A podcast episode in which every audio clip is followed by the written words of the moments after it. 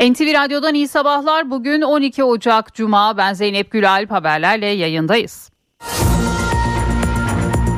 Amerika Birleşik Devletleri ve İngiliz savaş uçaklarının Yemen'de birkaç kentte bazı noktalara yönelik hava saldırısı düzenlendiği bildirildi. Amerikan Başkanı Joe Biden Kızıldeniz'deki saldırılarına misilleme olarak Amerikan ve İngiliz ordularının Yemen'de husullere ait bazı hedefleri vurduğunu açıkladı. İngiltere Başbakanı Rishi Sunak da Kraliyet Hava Kuvvetleri'nin operasyona katıldığını ayrıca Kraliyet donanmasından gemilerin de bölgede devriye gezdiğini duyurdu. Saldırıların savaş uçakları ve Tomahawk füzeleriyle yapıldığı belirtildi. Kuzey Irak'ta devam eden Pençe Kilit operasyonundan acı haber geldi. Operasyon bölgesinde teröristlerin açtığı ateş sonucu uzman çavuş Samet Aslan şehit oldu. Aslan bugün memleketi Amasya'da toprağa verilecek. Milli Savunma Bakanlığı'nın yürüttüğü deniz kurdu tatbikatında rahatsızlanan Assubay Bahadır Can Bulat da kaldırıldığı hastanede şehit oldu. Can Bulat bugün memleketi Balıkesir'in Erdek ilçesinde toprağa verilecek. İsrail'in Gazze saldırılarında yaralanan 85 hastayla beraberindeki 106 refakatçi Milli Savunma Bakanlığı'na ait uçakla tedavi için Türkiye'ye getirildi. Sağlık Bakanı Fahrettin Koca Gazze'li hastalara ilişkin sağlık sistemi çöken Gazze için gayretimiz devam edecek ifadelerini kullandı.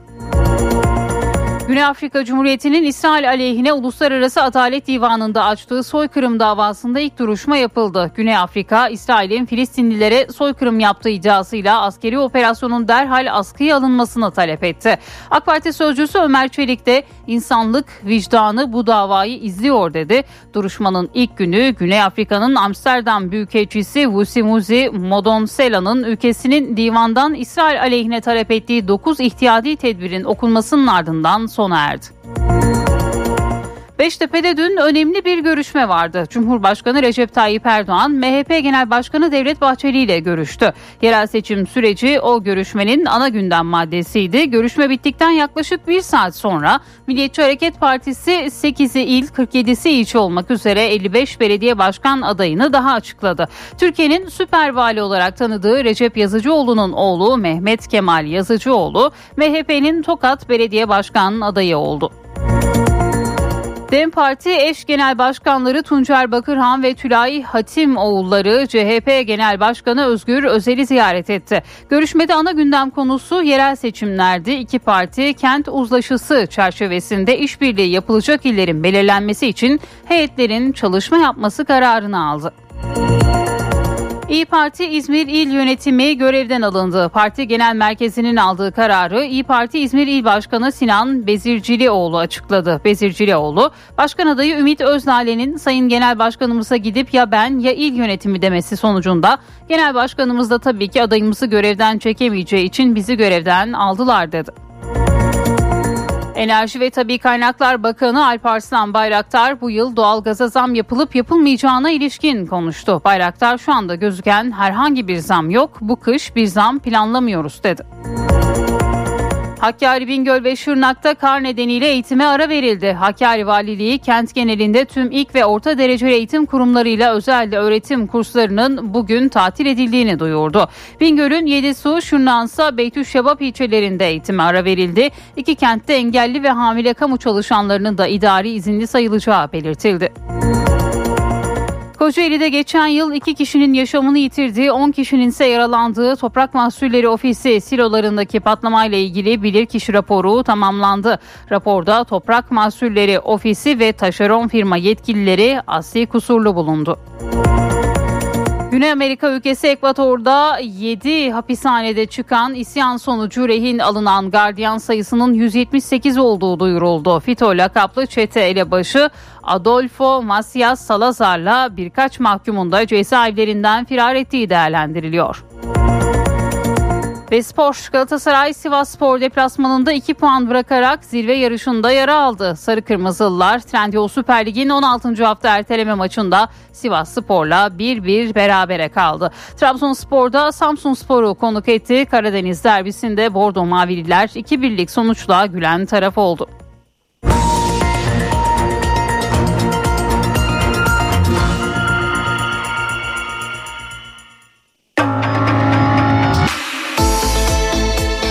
İşe giderken gazetelerin gündemi.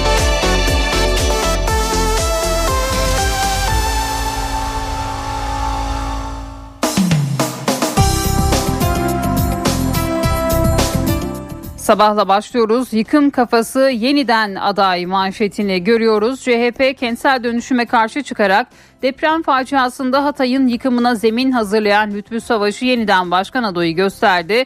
Skandal karar şehirde büyük öfkeye neden oldu. Hatay Belediye Başkanı Lütfü Savaş kentsel dönüşümün faydalarını anlatmak yerine proje karşıtı eylemler yapmıştı. Mitingin düzenlendiği Emek Mahallesi'nde yüzlerce insan göçük altında kaldı. Asrın felaketinin yıl dönümü yaklaşırken CHP'nin skandal kararına Hatay halkından büyük tepki geldi diyor bugün sabah gazetesi manşetinden.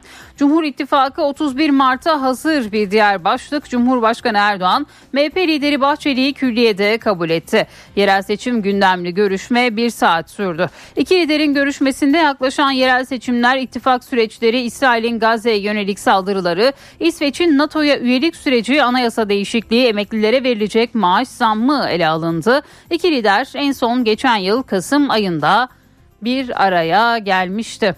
Soykırımın kanıtları yüzlerine e, çarpıldı bir diğer başlık. Katil İsrail'in Uluslararası Adalet Divanı'nda yargılanmasına başlandı.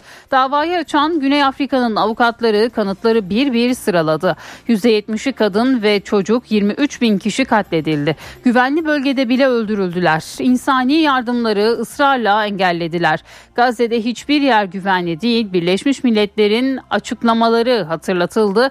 Anadolu Ajansı'nın fotoğrafları da kanıt olarak gösterildi deniliyor bugün Sabah gazetesinde TOG'un yeni modeline büyük ilgi bir diğer başlık. Yerli otomobil TOG'un ikinci modeli T10F Las Vegas'taki fuarda tanıtıldı. TOG'un CEO'su Karakaş hedefimiz Avrupa pazarı ve özellikle Almanya rekabetle önemli kazanımlar elde edeceğiz dedi. Hürriyet'in manşetinde senin yerin bu sandalye başlığını görüyoruz. Gazze'de Filistinlilere soykırım uygulamakla suçlanan İsrail'in Uluslararası Adalet Divanı'nda yargılanmasına başlandı. İsrail Lahey'deki duruşmada sanık sandalyesine oturdu diyor Hürriyet gazetesi. Bir diğer başlık CHP bu 5 ismi konuşuyor.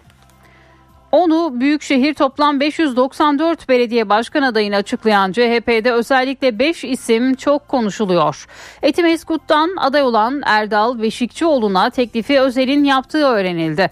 Belediye Başkan Vekili Melek Mızrak Subaşı Bilecik'te aday gösterildi. Eskişehir'de Yılmaz Büyükelçen'in yerine Ayşe Ünlücü aday oldu.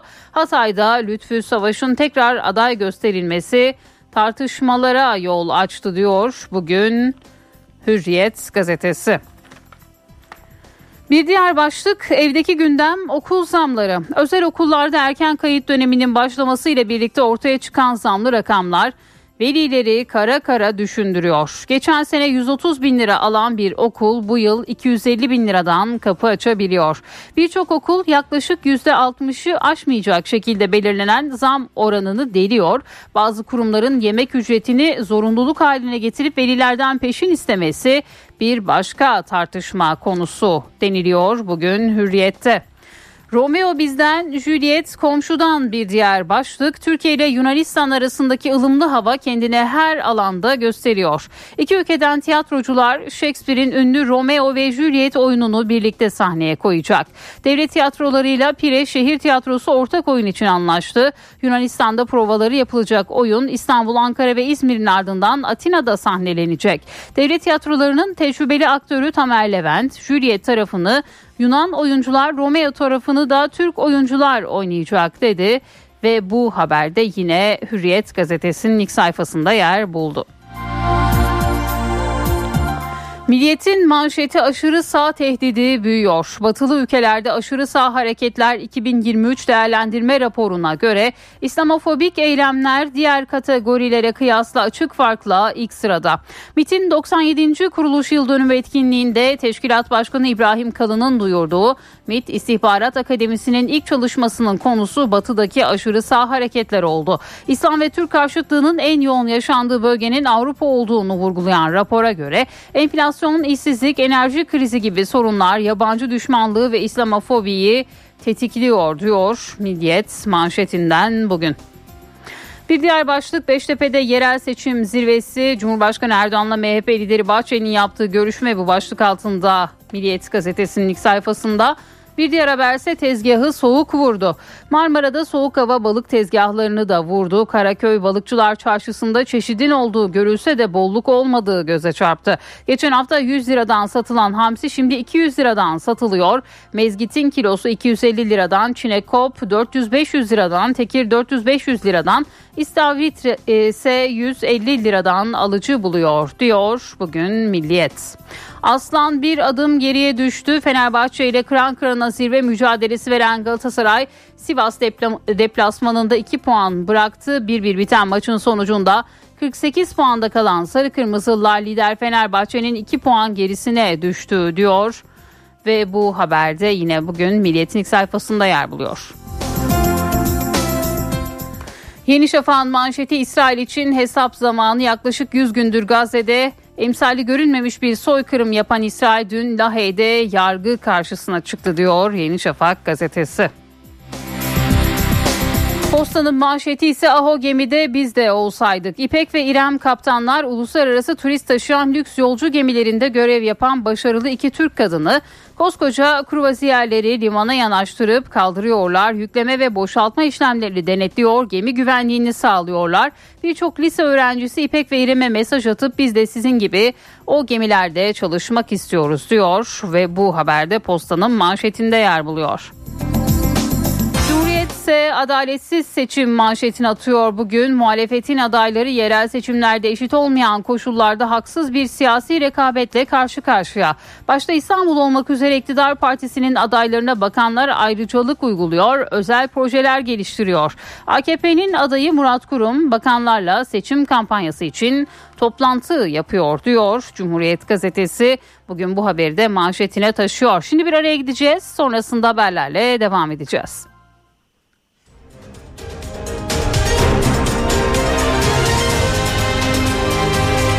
NTV Radyo Titanic Hotels köşedeki kitapçıyı sunar. Merhaba, ben Adnan Bostancıoğlu. Edebiyatımızın önemli isimlerinden Tarık Dursun Kakınç'ın anılarını bir araya getiren Ben Unutmadan isimli kitap İzmir Büyükşehir Belediyesi yayınlarından çıktı. Kitabın uzun bir alt başlığı var. İzmir Anıları Edebiyatçılar, çizerler, gazeteciler, sinemacılar, müzisyenler, siyasetçiler ve edebiyatla geçen bir ömür. Tarık Dursun Kakınç soyadını kullanmaz. Sadece K harfiyle sembolize ederdi. Dolayısıyla Tarık Dursun K olarak bilinirdi. Bir iddiaya göre kardeşi Faruk Kakınç'la birlikte girdikleri bir yarışmada soyadları sebebiyle eserleri karışmış. O günden sonra soyadı yerine K harfini kullanmaya başlamış. Tarık Dursun K 1931 İzmir doğumlu. Yazarlığa 1949 yılında şiir yazarak başlıyor. Aynı dönemde İzmir'de Anadolu gazetesinde sinema eleştirileri yazmaya da başlıyor. Sonra sırasıyla Yeni Gün, Ankara Ulus, Yeni İstanbul ve Vatan gazetelerinde gündelik yazılar yazıyor. Sinema eleştirilerini Pazar Postası ve Akis dergilerinde sürdürüyor. Ali Gevgilili ile birlikte aylık Yeni Sinema dergisini çıkarıyor, senaryo yazarlığı ve yönetmenlik yapıyor. 2015'te aramızdan ayrılan Tarık Dursun'un hikaye kitapları o kadar çok ki şimdi isimlerini saymaya kalksak bu programın süresi yetmeyebilir. Ama meraklısı için hatırlatalım. Tarık Dursun'un bütün hikayeleri 2009 yılında Yapı Kredi Yayınları tarafından toplu olarak yayınlanmıştı. Keza çok sayıda romanı da var bazılarını hatırlayalım. Denizin kanı, alçaktan uçan güvercin, kurşun ata ata biter, insan kurdu, ağaçlar gibi ayakta.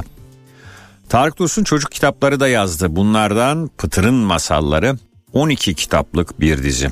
Ödüllerine gelirsek Türk Dil Kurumu Hikaye Ödülü, iki kez Said Faik Hikaye Armağanı, Orhan Kemal Roman Armağanı, Türkiye İş Bankası Büyük Edebiyat Ödülü, Yunus Nadi Roman Armağanı ve Sedat Simavi Edebiyat Ödülü. Tarık Dursun'un anılarına ben unutmadana gelirsek şöyle denilmiş tanıtım bülteninde. Kıdemli bir İzmirli yazarın yazarlığının bütün ustalığını kişisel üslubuyla yansıttığı anıları. Bakmayın başlıklardaki farklı adlara, sinemacılara, edebiyatçılara hatta sporculara. Tarık Dursun K aslında başında onları konu ediniyormuş gibi yapıp daima geçmişin İzmir'ini anlatıyor, artık var olmayan bir İzmir'in anılarını. Yazar bir filme bakarken, bir maçı anlatırken, bir şarkıyı dinlerken, bir yazarla konuşurken konu birden Tarık Dursun Kağan'ın gençliğine ve İzmir'ine kayıyor. Herkese iyi okumalar, hoşçakalın. Titanic Hotels köşedeki kitapçıyı sundu.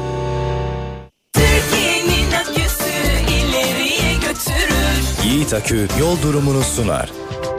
Karayolları Genel Müdürlüğü duyurdu.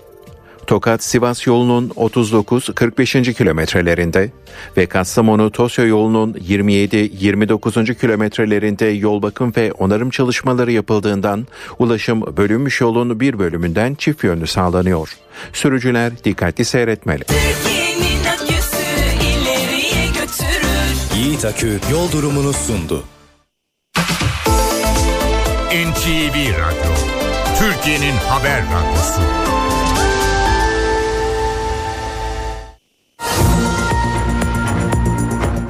NTV Radyo'da haberleri aktarmayı sürdürüyoruz. Amerika Birleşik Devletleri ve İngiltere Yemen'deki Husi hedeflerine yönelik saldırı başlattı. Gece başlayan saldırıda Yemen'de İran destekli Husilere ait hedefler vuruldu. Reuters haber ajansına göre Yemen'in başkenti Sana'da 3 patlama sesi duyuldu. Saldırının havadan ve denizden düzenlendiği belirtiliyor. Saldırılar İran destekli Husilerin Kızıldeniz'deki ticari gemileri hedef alması üzerine düzenlendi. Daha önce Amerika ve bölgedeki diğer ülkeler tarafından Yemen'deki Husilere saldırılarını durdurmalarına yönelik uyarı yapılmıştı. Pentagon ise geçen ay bu saldırılara karşı çok uluslu bir misyon oluşturulduğunu duyurmuştu.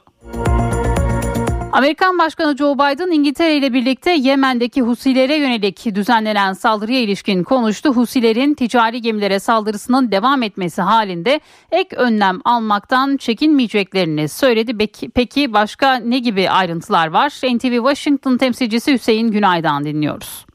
Amerika Birleşik Devletleri karşı bir saldırının henüz gerçekleşmediğini söyledi. Yani etkili bir karşı saldırıyla karşı karşıya kalmadıklarını söyledi. Çünkü sosyal medyada bazı iddialar vardı. Bir İngiliz gemisi, kimileri de bir Amerikan gemisinin vurulduğunu söylüyordu. Ama Amerikalılar en azından şu an için böyle bir şey olmadığını söylüyorlar. Amerikan medyası olayı bir gövde gösterisine dönüştürmüş vaziyette. Bölgede Amerika Birleşik Devletleri'nin varlığının kendisini hissettirdiğini, uluslararası deniz ticaretinin ve perakende mevcudiyetinin devam edeceğine vurgu yapıyorlar. Sadece Amerika Birleşik Devletleri'nin çıkarlarını değil, bütün dünyanın çıkarlarını İngiltere ile birlikte korumuş olmaktan dolayı gururlu başlıklar atıyorlar.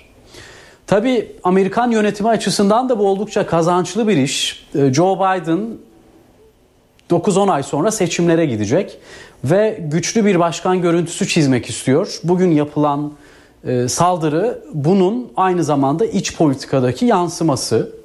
Öte taraftan İran'a verilen bir mesaj var. İran dün Irak'a ait ham petrol bulunan ve Türkiye'ye gelen bir tankere el koymuştu. Hemen o el koymadan bir gün sonra İran destekli Husilerin vurulması birbiriyle bağlantılı işler. Amerika Birleşik Devletleri bölgede İran'a karşı sessiz kalmayacağını İran'ın en çok son dönemlerde en çok desteklediği gruplardan birini ciddi bir şekilde vurarak göstermiş oldu. İran'a bölgede mesaj vermiş oldu. Ama Amerika Birleşik Devletleri bir strateji bir stratejiyi de artık toprağa gömdü. O da nedir? Anthony Blinken çok uzun zamandır biz İsrail ve Hamas arasındaki çatışmaların bölgeye yayılmasını istemiyoruz. Biz bu bölgede birden fazla cephe istemiyoruz diyordu. Artık bu stratejiden Amerika Birleşik Devletleri vazgeçti. Bu bölge açısından tehlikeli bir durum. Yeni bir cephe açtı Amerikalılar İngilizlerle birlikte. Amerikalılar şunu çok iyi biliyor. Husiler ilk defa Amerikalılar tarafından tehdit olarak algılanmıyor. Husiler zaten Yemen iç savaşında Amerika Birleşik Devletleri'nin terör örgütü olarak tanımladığı, kabul ettiği bir grup. İlk defa Husiler o bölgede Amerikan, Avrupalı veya İsrail gemilerine taciz ateşinde de bulunmuyorlar. Ancak Amerika Birleşik Devletleri onlara karşı ilk defa bir organize güç ve devlet olarak saldırı düzenlemeyi tercih etti. 2016 yılından beri ilk defa Amerika Birleşik Devletleri ve İngiltere iki ülkeyi bir koalisyon olarak düşünürsek Orta Doğu'da gerçekleştirdikleri ilk 2016'dan sonra gerçekleştirdikleri ilk operasyon olarak da tarihe geçti. Ee, Joe Biden dedi ki yapmış olduğu açıklamanın son paragrafı, son cümlesi ihtiyaç duyarsak gerek olursa bölgedeki çıkarlarımızı korumaya devam edeceğiz. Bu diplomatik dil. Ben bunun en sade halini söyleyeyim. Gerek duyarsak bir kez daha Husileri vururuz. Bu Amerika Birleşik Devletleri'nin bütün dünyaya vermiş olduğu mesaj. Hüseyin Günay Amerikan tarafından yapılan açıklamayı bu şekilde anlattı. İngiltere Başbakanı Rishi Sunak da Kraliyet Hava Kuvvetleri'nin operasyona katıldığını ayrıca Kraliyet Donanması'ndan gemilerin de bölgede devriye gezdiğini duyurdu. Bu açıklamanın ayrıntılarını da Londra'dan NTV temsilcisi Gökhan Bozkurt'tan dinleyelim. Başbakan Rishi Sunak'tan geldi ilk resmi açıklama ve bölgedeki saldırılara ilişkin e, artan endişe sonrasında e, çok uluslu koalisyon güçleriyle birlikte e, bir e, hedefli saldırı gerçekleştirildiğini söyledi. Tabi açıklamada dikkat çeken detaylar var. Bunlardan en önemlisi hiç şüphe yok ki askeri tesislerine yönelik Husilerin hedefli saldırıların gerçekleştirildiği vurgusu. Bir diğeri de gerekli ve sınırlı ve orantılı eylemlerde bulunduklarını söylüyorlar. ve aynı şekilde de ülkelerin e, hedeflere karşı meşru müdafaa hakkını e, kullanarak bunu yaptığına dikkat çekiyorlar. Hatırlanacağı üzere Birleşmiş Milletler hukuki zeminin hazırlanması bağlamında bu yönde bir karar almıştı kısa süre önce. İşte o çerçevede bu meşru müdafaa hakkını kullandıkları vurgusunu öne çıkartıyor yapmış olduğu açıklamada e, Rishi Sunak. Tabi e, Kraliyet Hava Kuvvetleri'ne bağlı uçaklar tarafından e, Husi e, askeri tesislerine bu saldırıların gerçekleştiği anlaşılıyor. E, vurgu yaptığı başka noktalar son aylarda Husi milisleri Kızıldeniz'deki ticari gemiciliğe karşı diyor Sunak bir dizi tehlikeli ve istikrarsızlaştırıcı saldırılar gerçekleştirmişlerdi diyor. Birleşik Krallığı ve diğer uluslararası gemileri tehdit ettiklerine vurgu yapıyor. Tabi hayati önem taşıyan ticaret yolunda büyük aksamalara neden oldu yapılan bu saldırılar diyor ve e, malların fiyatlarının yükselmesini e, e, sağladı diyor yapmış oldukları bu saldırılar. Tabi pervasız eylemleri denizde hayatları riske attığı gibi diyor aynı zamanda Yemen'deki insani krizi de daha da kötüleştiriyor diyor. Uluslararası toplumun daha önce e, defalarca uyarı yaptığına vurgu yapıyor Sunak ve bu uyarılara e, kulak asmadığını Husilerin vurguluyor ve e, bu haftada iniyor yine diyor Kızıldeniz'de hem Birleşik Krallık hem de Amerika Birleşik Devletleri savaş gemilerine yönelik saldırılar düzenlemeye devam ettiler diyor. İşte bu noktada altını çizdiği bir diğer nokta buna tahammül edilemez artık diyor Sunak ve Birleşik Krallık her zaman seyir sefer özgürlüğünü ve ticaretin serbest akışını savunmaya devam edecektir diyor.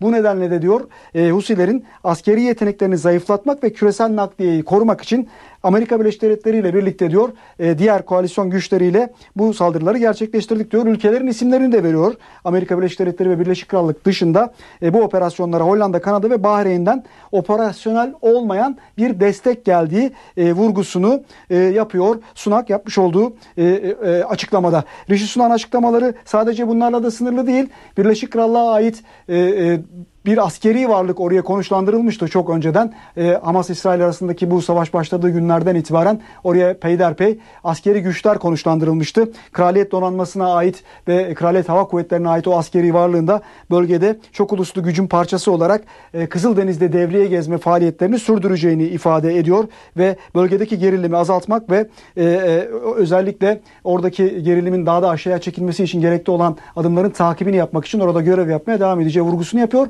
Aynı zamanda da Husilere çağrısını bir kez daha yineliyor. Bölgedeki gerilimi azaltmaları yönünde. Gökhan Bozkurt Londra'dan bildirdi. NTV Radyo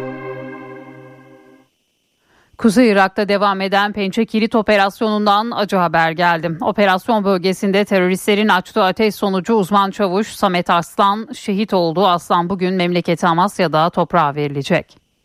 PKK'lı teröristler Kuzey Irak'ta Türk askerlerini hedef aldı. Milli Savunma Bakanlığı'ndan yapılan açıklamaya göre Pençe Kilit operasyonu bölgesinde teröristler taciz ve sızma girişiminde bulundu. Saldırıda yaralanan iki asker hastaneye kaldırıldı ancak durumu ağır olan uzman çavuş Samet Aslan kurtarılamayarak şehit oldu. Uzman çavuş Samet Aslan'ın Kocaeli'de yaşayan ailesine acı haberi askeri yetkililer verdi. Çayırova ilçesindeki baba ocağına Türk bayrağı asıldı. Baba İbrahim ve anne Havva Aslan evin önüne kurulan çadırda taziyeleri kabul etti. Şehit uzman çavuş Samet Aslan memleketi Amasya'nın Taşova ilçesinde toprağa verilecek. Acılı ailesi taziyelerin ardından cenaze için Amasya'ya gitmek üzere yola çıktı. Milli Savunma Bakanlığı'nın yürüttüğü deniz kurdu tatbikatında rahatsızlanan Assubay Bahadır Can Bulat kaldırıldığı hastanede şehit oldu. Can Bulat bugün memleketi Balıkesir'in Erdek ilçesinde toprağa verilecek. Assubay Bahadır Can Bulat 25 yaşındaydı. Deniz kurdu tatbikatı kapsamında TCG Edremit gemisinde görev yapıyordu. Milli Savunma Bakanlığı'ndan yapılan açıklamaya göre dalış eğitimi sırasında rahatsızlandı. Müdahalelere rağmen kurtarılamayarak şehit oldu. Balıkesir'in Erdek ilçesinde yaşayan ailesine acı haber verildi. Şehidin baba ocağına Türk bayrağı asıldı. Can Bulat için Piri Reis Camii'nde tören düzenlenecek. Cenazesi namazın ardından Erdek Şehitler Mezarlığı'nda toprağa verilecek. İsrail soykırım suçlamasıyla Uluslararası Adalet Divanı'nda yargılanmaya başladı. Davacı Güney Afrika'yı temsil eden avukatlar İsrail'in Gazze'deki tüm askeri operasyonlarının derhal askıya alınması için ihtiyati tedbir kararı verilmesini istedi. Avukatlar İsrail'in Gazze'de işlediği suçları tek tek saydı.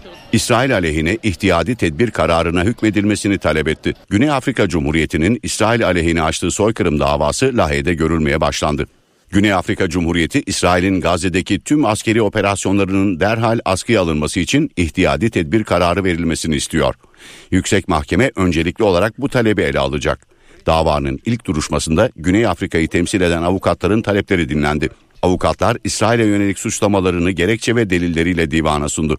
84 sayfalık iddianame mahkeme salonuna yansıtılan görüntülerle de desteklenerek İsrail'e yönelik soykırım suçlamasında bulunuldu. Filistin halkı için her gün artan, telafisi mümkün olmayan can, mal, onur ve insanlık kaybı yaşanıyor. Haberler izlenmesi dayanılmaz olan acıların görüntülerini gösteriyor. Bu mahkemenin kararı dışında hiçbir şey acıyı durduramaz. İhtiyati tedbirlere dair herhangi bir işaret olmaksızın İsrail ordusunun güç kullanan eylemlerini en az bir yıl boyunca sürdürme niyetinde olduğunu belirtmesiyle zulümler devam edecek. Güney Afrika'nın istediği ihtiyadi tedbirler arasında sadece İsrail'in Gazze'deki askeri operasyonlarını durdurması yok. Aynı zamanda Filistinlilere yönelik soykırımı önlemesi için gerekli tedbirleri alması, yerlerinden edilenlerin evlerine dönerek insani yardıma erişimlerinin sağlanması, soykırıma karışanların cezalandırılması için gerekli adımları atması, soykırımın delillerini muhafaza etmesi ve verilen tedbirleri uyguladığına ilişkin divana düzenli rapor sunması bunlar arasında. Merkezi Hollanda'nın Lahey şehrinde yer alan Uluslararası Adalet Divanı'ndaki duruşma canlı yayınlanırken mahkeme binası önünde de büyük bir kalabalık vardı. Filistin'i destekleyenler ellerinde bayraklarla yürüdü. İsrail karşıtı slogan atan göstericiler soykırımı durdurun pankartı taşıdı. Bir başka tarafta da İsrail yanlıları toplandı. Grup Hamas'ın elindeki rehinelerin fotoğraflarını taşıdı. İkinci duruşmada İsrail hakkındaki suçlamalara ilişkin sözlü savunma yapacak. İsrail hükümeti Güney Afrika Cumhuriyeti'nin iddialarına sert bir dille karşı çıkıyor. Güney Afrika'yı Hamas'ın yasal kolu olarak hizmet etmekle suçluyor. Kararın açıklanması için hakimleri bağlayan bir son tarih bulunmamakla birlikte Uluslararası Adalet Divanı'nın önceki yargılamalarına bakıldığında soykırım gibi aciliyet gerektiren durumlarda bu sürenin birkaç hafta olduğu görülüyor. Davaya ilişkin AK Parti sözcüsü Ömer Çelik'ten de bir açıklama geldi. Çelik insanlık vicdanının bu davayı izlediğini söyledi. Ömer Çelik İsrail'e karşı Uluslararası Adalet Divanı'nda açılan davanın ilk duruşması devam ediyor. İsrail'in eylemleri soykırımdır ve gereken şekilde cezalandırılmalıdır ifadelerini kullandı. Beştepe'de dün önemli bir görüşme vardı. Cumhurbaşkanı Recep Tayyip Erdoğan, MHP Genel Başkanı Devlet Bahçeli ile görüştü. Yerel seçim süreci o görüşmenin ana gündem maddesiydi. Ayrıca MHP 55 adayını daha açıkladı. Adaylar arasında dikkat çeken isimler de var. Uzun süredir beklenen görüşme gerçekleşti. Cumhurbaşkanı Recep Tayyip Erdoğan, Milliyetçi Hareket Partisi Genel Başkanı Devlet Bahçeli ile Beştepe'de bir araya geldi. Cumhur İttifakı'nın iki ortağının görüşmesi yaklaşık bir saat sürdü. Erdoğan ve Bahçeli 31 Mart'ta yapılacak yerel seçim çalışmalarını görüştü. Aday belirleme süreci gözden geçirildi. Görüşme bittikten yaklaşık bir saat sonra Milliyetçi Hareket Partisi 8'i il 47'si ilçe olmak üzere 55 belediye başkan adayını daha açıkladı. Türkiye'nin süper vali olarak tanıdığı Recep Yazıcıoğlu'nun oğlu Mehmet Kemal Yazıcıoğlu MHP'nin Tokat Belediye Başkan adayı oldu. Afyonkarahisar'da Sezer Küçükkurt, Aksaray'da İrfan Çıtak, Bolu'da İlhan Durak, Gümüşhane'de Vedat Soner Başar, Kırıkkale'de Harun Ulusoy, Kırklareli'de Derya Bulur aday gösterildi. MHP İzmir'in iki ilçesinde de adayını belirledi. Ali Ağa'da adayı Serkan Acar, Foça adayı Taner Acar oldu. AK Parti ve MHP 30 büyük şehirde işbirliği yapacak. 26 il adayını açıklayan AK Parti ise Ankara başta olmak üzere 17'si büyük şehir toplam 48 ilin adayı 15 Ocak'ta ilan edilecek. Aynı gün açıklanacağı bildirilen AK Parti'nin seçim beyannamesi ise Ocak ayı sonunda başka bir toplantıyla kamuoyuna duyurulacak. AK Parti'nin yerel seçimde işbirliği için görüşme yürüttüğü Büyük Birlik Partisi ise Sivas'ın kendilerine bırakılmasını istiyor. Büyük Birlik Partisi e, tabanının e, camianın motive edilmesi lazım. E, bunu motive edecek e, birinci şey de Sivas e, Belediye Başkanlığı'nın Büyük Birlik Partisi'ne e, bırakılması olur. DEM Parti eş genel başkanları Tuncer Bakıran ve Tülay Hatimoğulları CHP Genel Başkanı Özgür Özel'i ziyaret etti. Görüşmede ana gündem konusu yerel seçimlerdi. İki parti işbirliği yapılabilecek iller için çalışma yapacak. Toplantının gündemi yerel seçimler bu kadar yakınken yerel seçimlerden bağımsız değildi. DEM Parti ile ilişkilerimizi bundan sonra da kamuoyunun önünde açık şeffaf bir şekilde sürdüreceğiz. DEM Parti eş genel başkanları Tuncer Bakırhan ve Tülay Hatimoğulları CHP Genel Başkanı Özgür Özel'i ziyaret etti.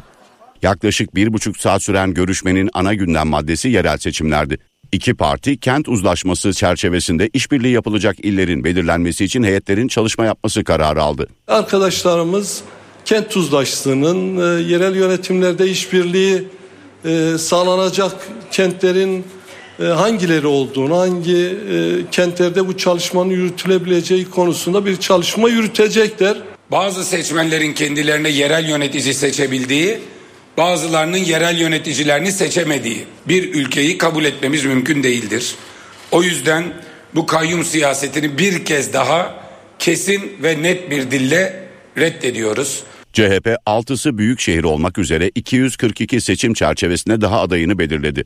O isimlerden biri olan Hatay Büyükşehir Belediye Başkanı Lütfi Savaş'ın yeniden gösterilmesi ise tartışmalara neden oldu.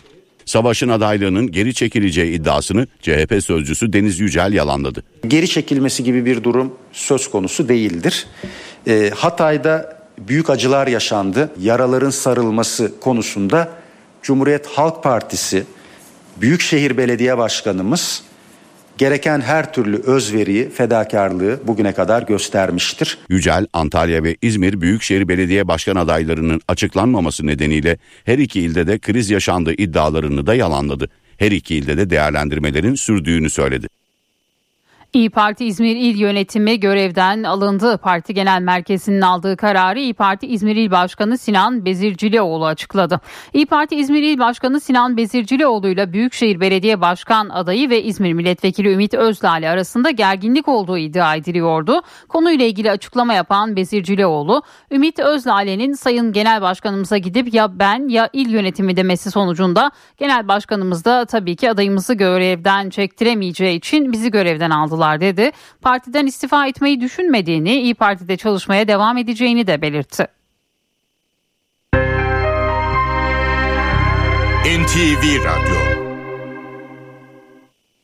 Enerji ve Tabi Kaynaklar Bakanı Alparslan Bayraktar kış aylarında doğalgaz fiyatlarında herhangi bir artış planlanmadığını söyledi. Şu anda doğalgazda gözüken herhangi bir zam olmadığını belirten Bayraktar bu kış bir zam planlamıyoruz dedi. Dünyada doğalgaz fiyatlarının makul bir seviyede seyrettiğini bunun da ellerini rahatlattığını vurgulayan Bayraktar Avrupa'da elektrik ve doğalgazda en ucuz ikinci ülkeyiz ifadesini kullandı. CNN Türk'te katıldığı programda konuşan Bakan Bayraktar Gabar'da gerçekleştirilen petrol üretimi üretimine de değindi. Gabar'da günlük üretimin 32 bin varile ulaştığını belirten Bayraktar, 2016 yılında Türkiye petrollerinin toplam petrol üretimi günlük 35 bin varildi.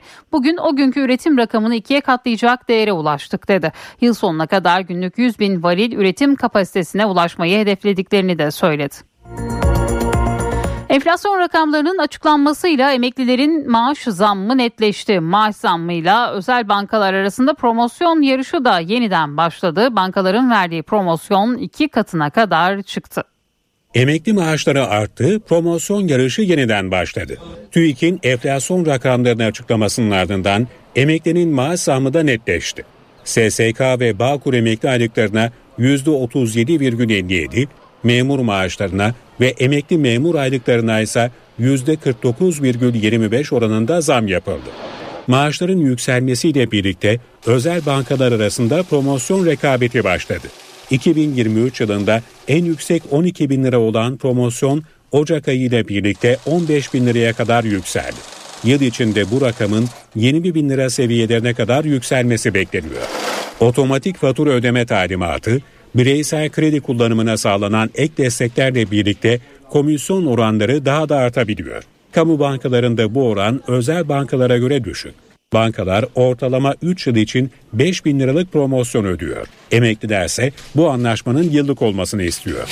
Daha önce promosyon almış olan emekliler de bu haktan faydalanabilecek. Öyle ki daha önce bir bankayla 3 yıllık anlaşma yapan bir emekli cayma bedeli olan 5 bin lirayı ödeyerek anlaşmadan ayrılabilir. Yeni bankayla yapılacak anlaşma ve elde edilecek 15 bin liralık promosyonla da 10 bin lira kazanç elde edebilir. Göz hastalıklarını gördüğümüz kötü şeylere bağlayanlar, kaygı bozukluğunu tek seansta geçirebileceğini iddia edenler, uzmanlığı olmadığı halde terapi yapanlar. Son dönemde özellikle ruh sağlığı konusunda sahtekarlıklar arttı. Sosyal medyada çok takipçi sahibi olmaları kişilerin yetkin sanılmasına neden oluyor. Türkiye Psikiyatri Derneği'nin uyarıları var. Hastalıkları psikolojiyle gerekçelendiriyor, mucizevi tedavi yöntemleri vaat ediyor, çaresizliği sömürüyorlar. Ruh sağlığı sahtekarlığın en yaygın olduğu branşlardan biri. Çok net söyleyeyim bu şarlatanlık. Yani tıbbi anlamda da buna ne diyeceksek e, diye sorarsanız şarlatanlık e, insanların umut sömürüsü yapmasıdır. Yani sabah kalkıyorlar uyanıyorlar erkenden bir yöntem ismi buluyorlar. İçinde hiçbir mantık ve bilimsel değer olmayan bir şeyi pazarlama yoluna gidiyorlar. Sosyal medyada çok takipçi sahibi olmak itibar gibi algılanıyor.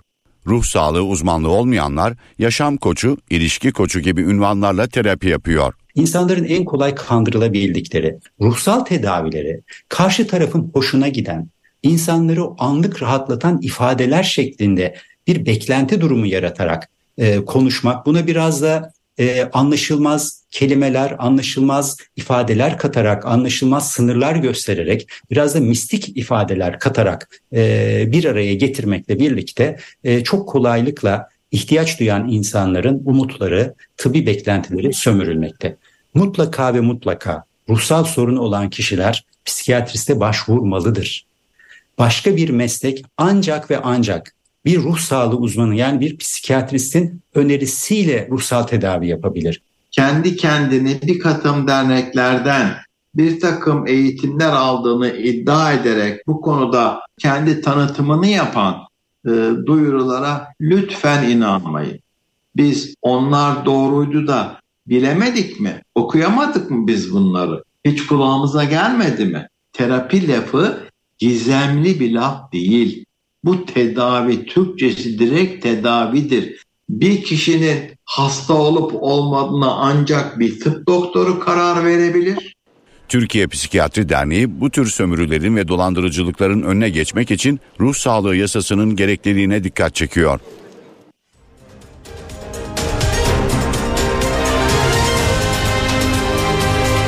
NTV Radyo HDI Sigorta İstanbul'un yol durumunu sunar. İstanbul'da bu dakika itibariyle trafikte yoğunluk haritası %42'yi gösteriyor. Anadolu'dan Avrupa'ya geçişte 15 Temmuz Şehitler Köprüsü'ne giderken Çamca Beylerbeyi arasında. Fatih Sultan Mehmet Köprüsü'ne giderken de Ümraniye Kavacık arasında yoğunluk var. Her iki köprüde de Anadolu'dan Avrupa'ya geçiş yoğun. Avrasya Tüneli çift taraflı açık Avrupa yakasına gelindiğinde E5'te yoğunluk Avcılar Küçükçekmece arasında Tem'de ise Bahçeşehir Altınşehir arasında dikkat çekiyor yolculuklar. HDI Sigorta İstanbul'un yol durumunu sundu. HDI Sigorta Üstün Alman teknolojisiyle üretilen Düfa Boya spor haberlerini sunar.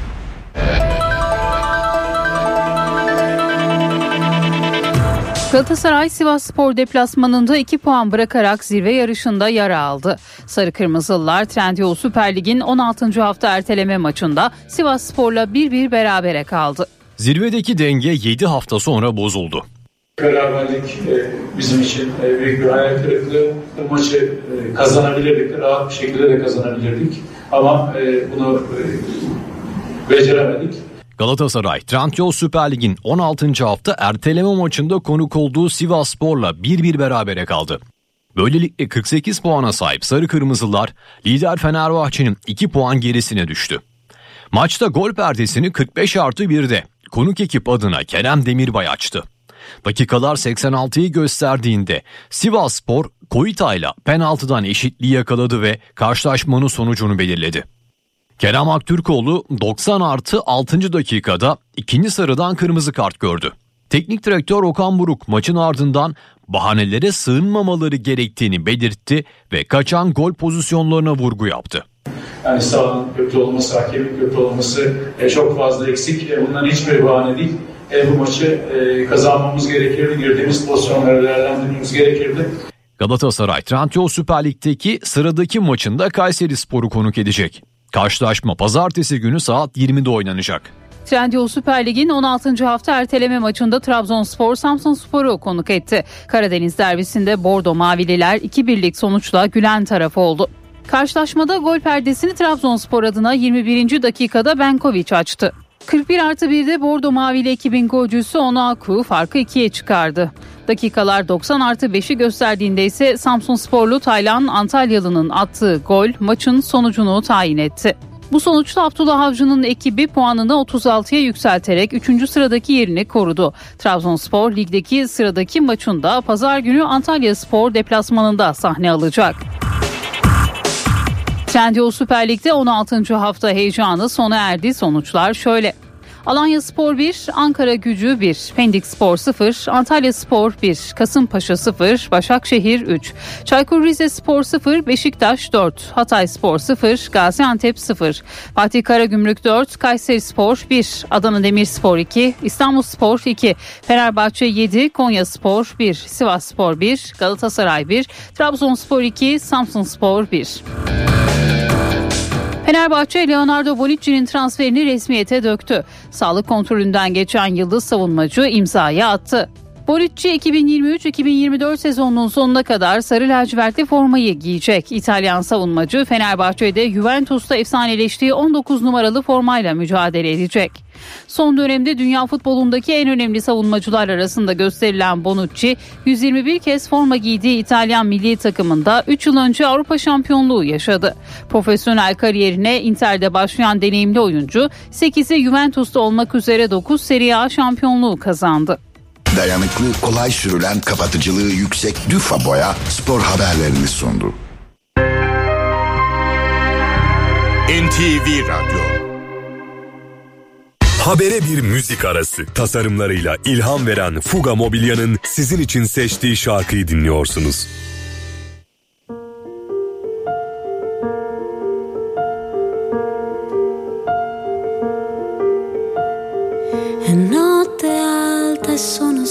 Sveglia, sei sempre tu il mio chiodo fisso.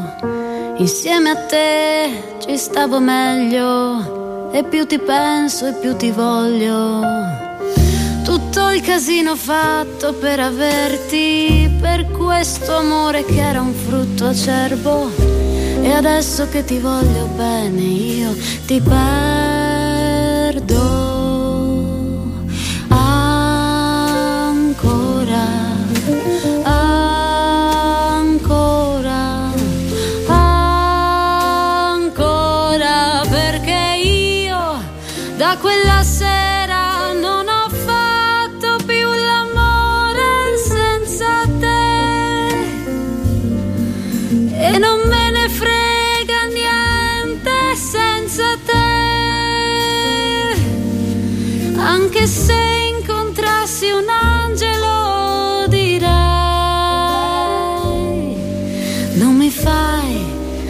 Volare in alto quanto lui.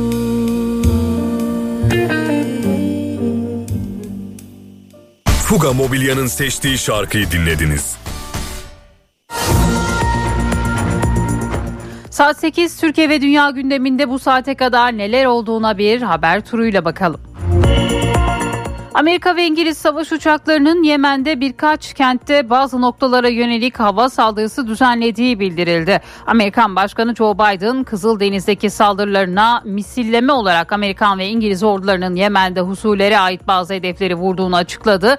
İngiltere Başbakanı Rishi Sunak da Kraliyet Hava Kuvvetleri'nin operasyona katıldığını ayrıca Kraliyet Donanması'ndan gemilerin de bölgede devriye gezdiğini duyurdu. Saldırıların savaş uçakları ve Tomahawk füzeleriyle yapıldığı belirtildi.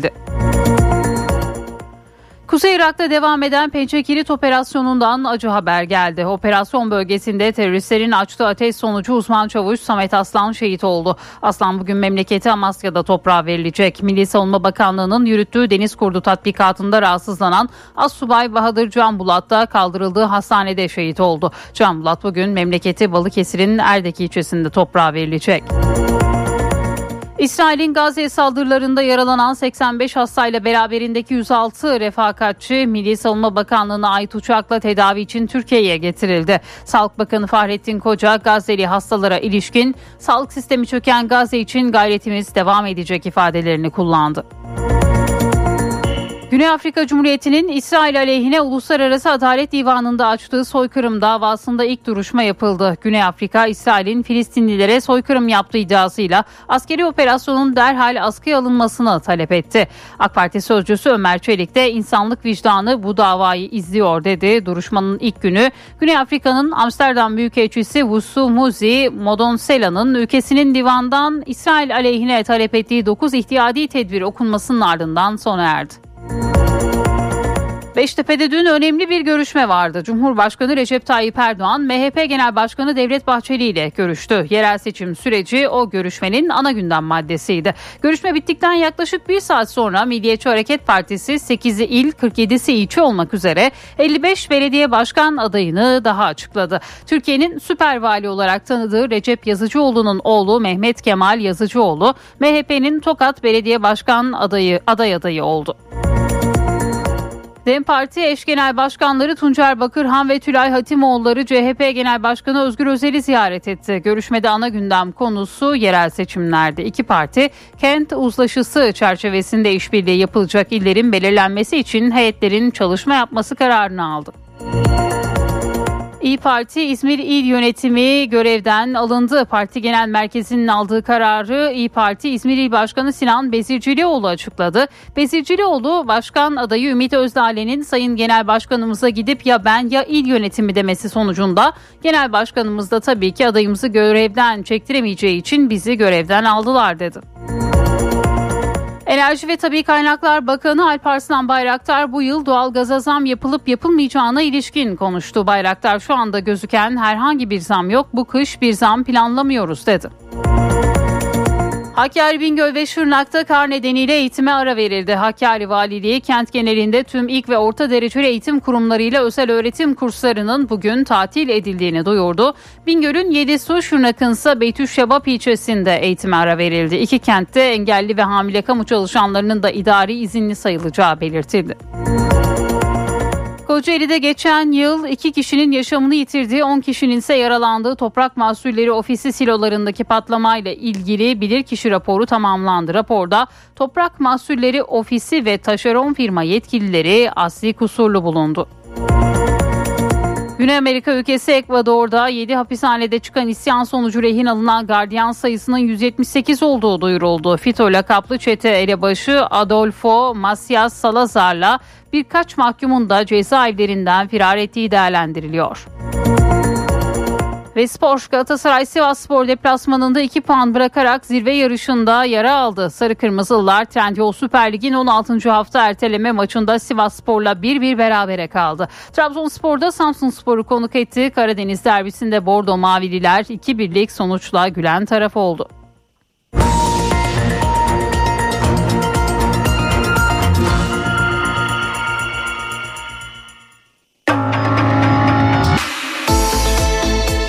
İşe giderken gazetelerin gündemi.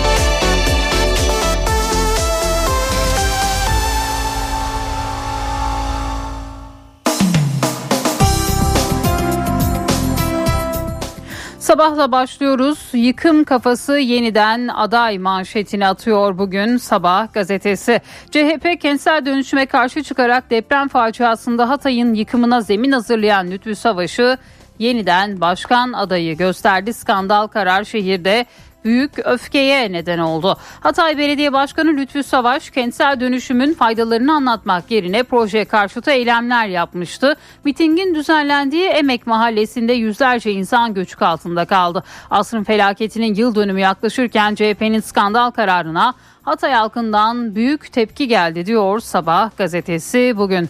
Cumhur İttifakı 31 Mart'a hazır bir diğer başlık. Cumhurbaşkanı Erdoğan MHP lideri Bahçeli'yi külliyede kabul etti. Yerel seçim gündemli görüşme bir saat sürdü.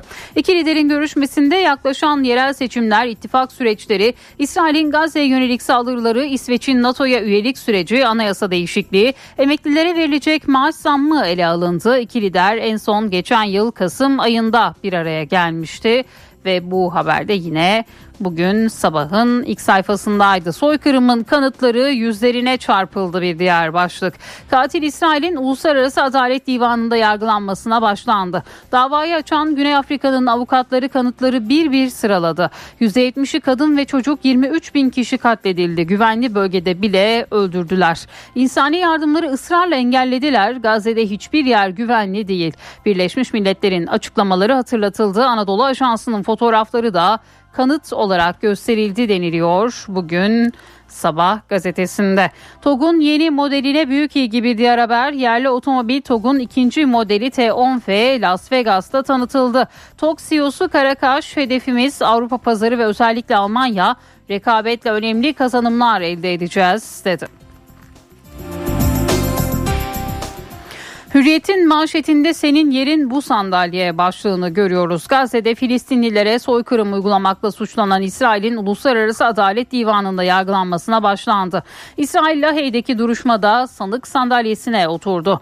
İsrail'e soykırım davasını Güney Afrika açtı. Güney Afrika'nın avukatları Gazze'de çok sayıda Filistinlinin kaybolmasının ve Gazze nüfusunun yerinden edilmesinin soykırımın kanıtı olduğunu anlattı. Avukatlar Türk Devleti'ne ait Anadolu Ajansı foto muhabirlerinin Gazze'de çektiği çektiği fotoğrafları da delil olarak sundu. Fotoğraflar cesetlerin toplu mezara defnedilmesini gösteriyor diyor bugün Hürriyet gazetesi manşetinden. CHP bu 5 ismi konuşuyor bir diğer haber. Onu Büyükşehir toplam 594 belediye başkan adayını açıklayan CHP'de özellikle 5 isim çok konuşuluyor. Etimeskut'tan aday olan Erdal Beşikçioğlu'na teklifi Ösel'in yaptığı öğrenildi. Belediye Başkan Vekili Melek Mızrak Subaşı Bilecik'te aday gösterildi. Eskişehir'de Yılmaz Büyükelçinin yerine Ayşe Ünlüce aday oldu. Hatay'da Lütfü Savaş'ın tekrar aday gösterilmesi tartışmalara yol açtı diyor bugün Hürriyet gazetesi. Evdeki gündem okul zamları bir diğer başlık. Özel okullarda erken kayıt döneminin başlamasıyla birlikte ortaya çıkan zamlı rakamlar velileri kara kara düşündürüyor. Geçen sene 130 bin lira alan bir okul bu yıl 250 bin liradan kapı açabiliyor. Birçok okul yaklaşık %60'ı aşmayacak şekilde belirlenen zam oranını deliyor. Bazı kurumların yemek ücretini zorunluluk haline getirip velilerden peşin istemek istemesi bir başka tartışma konusu.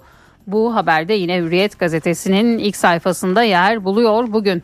Romeo bizden, Juliet komşudan bir diğer haber. Türkiye ile Yunanistan arasındaki ılımlı hava kendini her an gösteriyor. İki ülkeden tiyatrocular Shakespeare'in ünlü Romeo Juliet oyununu birlikte sahneye koyacak. Devlet tiyatrolarıyla Pire Şehir Tiyatrosu ortak oyun için anlaştı. Yunanistan'da provaları yapılacak oyun İstanbul, Ankara ve İzmir'in ardından Atina'da sahnelenecek. Devlet tiyatrolarının tecrübeli aktörü Tamer Levent, Juliet tarafını Yunan oyuncular, Romeo tarafını da Türk oyuncular oynayacak dedi ve yine bu haberde bugün Hürriyet gazetesinin ilk sayfasında yer buldu. Milliyetle devam edelim. Aşırı sağ tehdidi büyüyor manşetini atıyor Milliyet gazetesi bugün. Batılı ülkelerde aşırı sağ hareketler 2023 değerlendirme raporuna göre İslamofobik eylemler diğer kategorilere kıyasla açık farkla ilk sırada. MIT'in 97. kuruluş yıl dönümü etkinliğinde Teşkilat Başkanı İbrahim Kalın'ın duyurduğu Milli İstihbarat Akademisi'nin ilk çalışmasının konusu batıdaki aşırı sağ hareketler oldu. İslam ve Türk karşıtlığının en yoğun yaşandığı bölgenin Avrupa Avrupa olduğunu vurgulayan rapora göre enflasyon, işsizlik, enerji krizi gibi sorunlar yabancı düşmanlığı ve İslamofobiyi tetikliyor diyor. Bugün Milliyet gazetesi manşetinden. Beştepe'de yerel seçim zirvesi yine dün Cumhurbaşkanı Erdoğan'la MHP lideri Bahçeli'nin yaptığı görüşme bu başlıkla Milliyet'te. Tezgahı soğuk vurdu bir diğer haber. Marmara'da soğuk hava balık tezgahlarını da vurdu. Karaköy Balıkçılar Çarşısı'nda çeşidin olduğu görülse de bolluk olmadığı göze çarptı. Geçen hafta 100 liradan satılan hamsi şimdi 200 liradan satılıyor. Mezgit 250, Çinekop 400-500, Tekir 400-500, İstavrit ise 150 liradan alıcı buluyor diyor Milliyet gazetesi bugün. Aslan bir adım geriye düştü. Fenerbahçe ile kıran kırana zirve mücadelesi veren Galatasaray Sivas deplasmanında 2 puan bıraktı. 1-1 biten maçın sonunda 48 puanda kalan Sarı Kırmızılılar lider Fenerbahçe'nin 2 puan gerisine düştü deniliyor ve bu haberde yine Milliyet'in ilk sayfasında yer buluyor. Yeni Şafak'la devam ediyoruz. İsrail için hesap zamanı manşetini atıyor Yeni Şafak gazetesi bugün. Yaklaşık 100 gündür Gazze'de emsali görünmemiş bir soykırım yapan İsrail dün Lahey'de yargı karşısına çıktı. Güney Afrika'nın Uluslararası Adalet Divanı'nda açtığı davada saldırıların acilen durdurulması için mahkemenin hemen tedbir kararı vermesi istendi. Epstein skandalı Türkiye'ye uzandı. Bir diğer başlık Yeni Şafak'ta Amerikalı sapkın milyarder Epstein iğrenç emellerine Türkleri de alet etmiş. Mühürlü dosyaların açılmasıyla ortaya saçılan bilgilere göre kuaför olarak Jeffrey Epstein'in evine giden eski Türkiye güzeli Banuka burada tecavüze uğradı. Dosyada adı geçen T. Fırat'ın durumu gizemini korurken Epstein'in en az 4 Türk çocuğu kaçırdığı da iddia ediliyor deniliyor. Yeni Şafak gazetesinin ilk sayfasında yer alıyor bu haberde.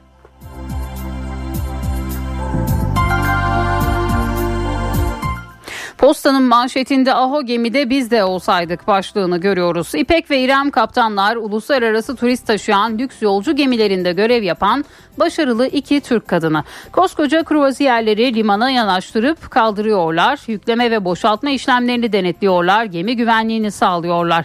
Birçok lise öğrencisi İpek ve İrem'e mesaj atıp biz de sizin gibi o gemilerde çalışmak istiyoruz diyor ve bu haberde bugün yine postanın manşetinde yer buluyor.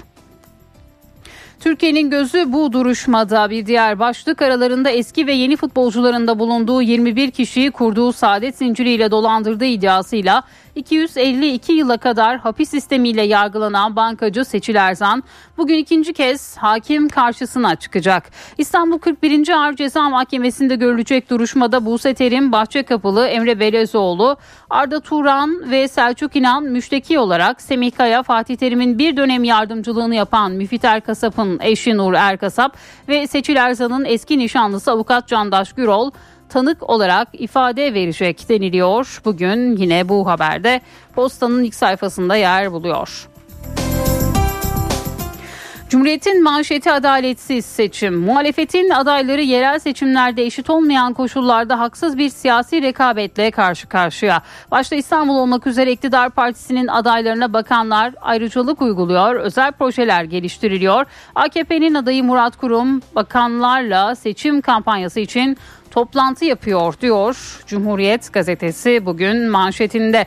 Büyükerşen önerdi bir diğer haber. CHP Parti Meclisi toplantısının ardından 242 yerde adaylar açıklandı.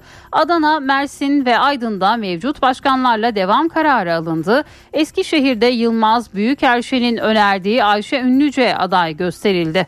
Büyükerşen Ünlüce için destek istedi. Hatay'da Lütfü Savaş'ın yeniden aday yapılması ise tartışma yarattı deniliyor bugün Cumhuriyet gazetesinde. Derin demokrasi krizi bir diğer başlık. Türkiye Büyük Millet Meclisi tip milletvekili Can Atalay için olağanüstü toplantıya çağıran ve istekleri reddedilen partiler Meclis Başkanı Kurtulmuş'la görüştü. Ziyaret sonrası yapılan açıklamada talebimizin reddi hukuk ihlalidir. Süreç derin bir demokrasi krizine dönüşmüştür denildi ve bu haberde yine Cumhuriyet Gazetesi'nin ilk sayfasında yer buldu bugün. NTV Radyo Dünya markası Bras çatı sistemleri finans bültenini sunar.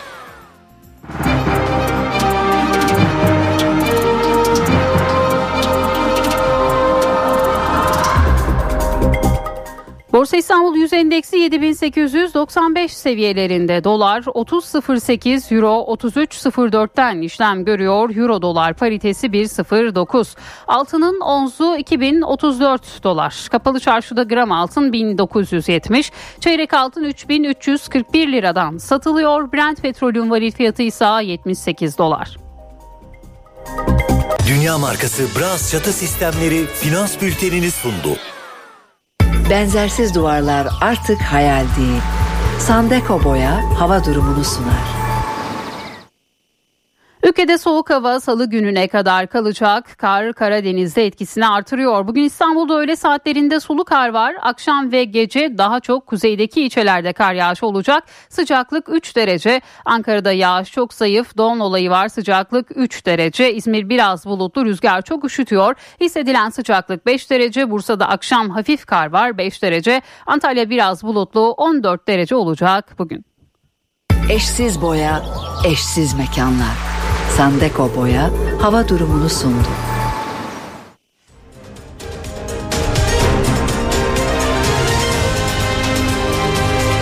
NTV Radyo Evdeki Hesap Profesör Murat Ferman hafta içi her gün ekonomideki güncel gelişmeleri NTV Radyo dinleyicileri için yorumluyor. Günaydın Sayın Ferman, mikrofon sizde. Zeynep Gül Hanım günaydın. İyi bir gün, iyi yayınlar diliyorum. Ekonomik belirsizliklerle örgülü, ekonomik ve teknolojik uçurumların arttığı bir gündemi yaşıyoruz. Bu çerçevede farklı değerlendirmeler, farklı görüşler elbette kamuoyunun önüne getiriliyor adeta tartışmak, üzerinde kafa yormak için yeni platformlar oluşturuluyor. İşte bu çerçevede uzunca bir süredir bu işle uğraşanların bu e, önemli platformların başında hiç şüphesiz Davos zirveleri geliyor. E, 54. Davos zirvesi 15-19 Ocak tarihlerinde gerçekleşecek. E, bu seferki e, zirvenin e, teması veya ana sloganı Rebuilding Trust, güvenin yeniden inşası. E, 19 senedir Davos zirvelerinden hemen önce 1400'ü aşkın dünyada önemli yönetici, fikir lideri, akademisyen bir araya gelip bir panel oluşturarak e, önümüzdeki en büyük e, yakın ve uzun vadede yani 2 yıllık ve 10 yıllık perspektiflerde risk e, unsurlarını değerlendiriyorlar. E, gele, gelenek bozulmadı. E, toplantının hemen öncesinde e, evvelsi gün Londra'da bir basın toplantısı yapılarak bu seneki e, küresel riskler raporu e, bulguları e, kamuoyuyla paylaşıldı. Bu çerçevede enteresan bulgular var risk kategorileri 5 ana kulvarda toplanmış. Ekonomik riskler, çevresel riskler, jeopolitik kulvar, e, toplumsal riskler ve teknolojik riskler. Bu çerçeveye baktığımızda e, önümüzdeki e, sene içerisinde yani içinde bulunduğumuz sene ve ondan sonraki sene içerisinde e, en önemli e, sıkıntı faktörleri nelerdir diye değerlendirme yapılmış. İsterseniz bir kısaca göz atalım. E, birinci sırada özellikle yapay zeka kaynaklı yanlış bilgi ve dezenformasyon yer alıyor. Evet bu enteresan. Daha belki çalışmalarda bu daha alt sıralardaydı. Ama e, kısa vadede dünyada fikir önderlerinin önemli isimlerin bunu en önemli bir risk maddesi olarak birinci sıraya yerleştirdikleri görülüyor. İkinci sırada e, şiddetli e, çevresel problemler veya e, sıcaklık artışları, e, yoğun yağışlar, şiddetli fırtınalar, e, uzun süren kuraklık gibi aşırı hava olayları var. Üçüncü sırada toplumsal kutuplaşma, dördüncü sırada siber güvenlik ve nihayet beşinci sırada devletler arası silahlı çatışma riski bulunuyor. Diğer beş taneye de bakarak ilk onu tamamlayalım. Kısa dönemli riskler arasında ilk 10'nun ikinci ligini oluşturan e, birinci risk ekonomik fırsat eksikliği. Sonra onu takiben 7. sırada enflasyon, 8. sırada zorunlu göç, 9. sırada ekonomik gerileme ve nihayet kirlilik, çevre kirliliği de 10. risk olarak sıralanıyor. Peki önümüzdeki 10 yıl için durum nedir diye bakarsak o zaman birinci sıraya aşırı hava olayları girerken ikinci sırada e, özellikle e, e, iklimde kalıcı değişiklikler, e, biyolojik çeşitliliğin kaybı ve ekosistemin çöküşü ve doğal kaynaklar kısıtları ortaya çıkıyor. Enteresan bir tespit ilk 4-10 yıllık perspektifte ilk 4 risk grubu da çevresel kategoride yer alıyor. Ondan sonra hemen 5. sırada işte bu yapay zeka kaynaklı yanlış bilgi ve dezenformasyon geliyor e, ve e, özellikle e, yapay zekaya bağlı e, değişik sıkıntılar da göz önünde. Tabii bu e, açık ve net olarak söyleyelim e, yanlış bilgi ve dezenformasyon sadece yapay zeka kaynaklı değil. Bunun e, genel itibariyle bir manipülatif unsur olarak tüm dünyada ortaya çıktığı da anlaşılıyor. Peki e, buradaki öneri ne? Acil küresel sorunlarda işbirliğinin yetersiz kalabileceği ve yeni işbirliklerine ihtiyaç duyulabileceği konusunda da e, ta, tabii uyarılarda ve önerilerde bulunuluyor.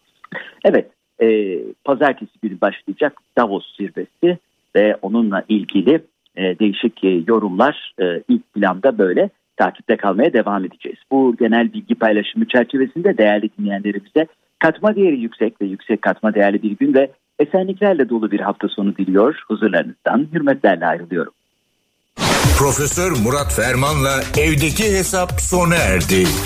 Kaçırdığınız bölümleri www.ntvradio.com.tr adresinden dinleyebilirsiniz.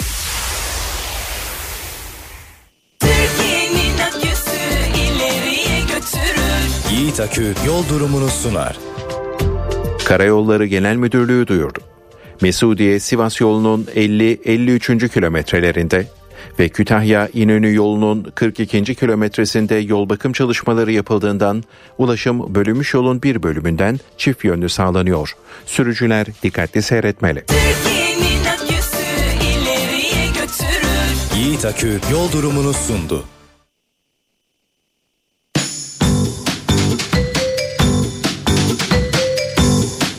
Dil Yaresi Hazırlayan ve sunan Levent Dönmez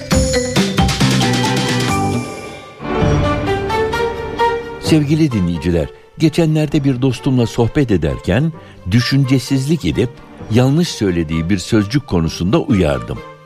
O artık hep öyle söyleniyor dedi ve ekledi. Galata meşru oldu. Evet aynen böyle. Önce bir konuda anlaşalım. O deyim Galatı meşru değil, Galatı meşhur. Galatı meşru kabul edilmiş yanlış. Bir yanlış kabul edilebilir mi? Onaylanabilir mi? Bu yanlış ama olsun bundan böyle yanlış da olsa yapalım. Oysa terimin aslı Galatı meşhur. Yani ünlü olmuş. Daha doğrusu yaygınlaşmış yanlış. Genelleştiği için de yanlışlığına önem verilmeden kullanıla gelen söz, deyim, terim. Meşhur bu. Galat da yanlış, hata, yanlış kelime veya söz anlamında. Yan yana gelmişler olmuş sana Galat'ı meşhur. Yani yaygın yanlış. Genelde söyleme zorlukları nedeniyle oluyor bu değişimler. Bakın bu yaygın yanlışlara birkaç örnek verelim. Şovenizm diyoruz, aslı şovinizm. Basketbolda topun geçirildiği çembere pota diyoruz, aslı poto. Dedektifin aslı detektif. Teröristin aslı terörist. Sokaklarımızı sulayan o marifetli araba da arozöz aslında, arazöz değil. Şöyle bir tazeleyelim mi bilgilerimizi?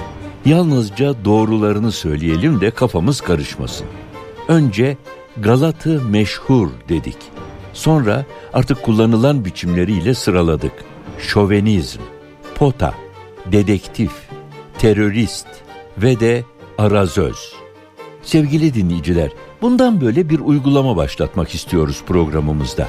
Her programımızda değil, biteceğine yakın bize minik bir zaman bırakan programlarımızda. Dilimize yeni yeni giren ve ne yazık ki güzel Türkçemizi giderek istila etmekte olan yabancı sözcüklerin yerine eğer varsa Türkçelerini hatırlatmak. İlk aklıma gelen center oldu dilimize girmekle kalmadı neredeyse baş köşeye kuruldu. Oysa karşılığı var. Merkez. Bakın ne çok center var. Media center, print center, estetik center. Sabancı Center, Gebze Center, Triko Center, Kale Center AVM. Ama en güzelini geçen gün gördüm. Simit Center. Simit merkezi olur mu değil mi ama? Şehir Center'da mutlu mutlu yaşamanız dileğiyle. Dil Yaresi hafta içi her gün NTV Radyo'da.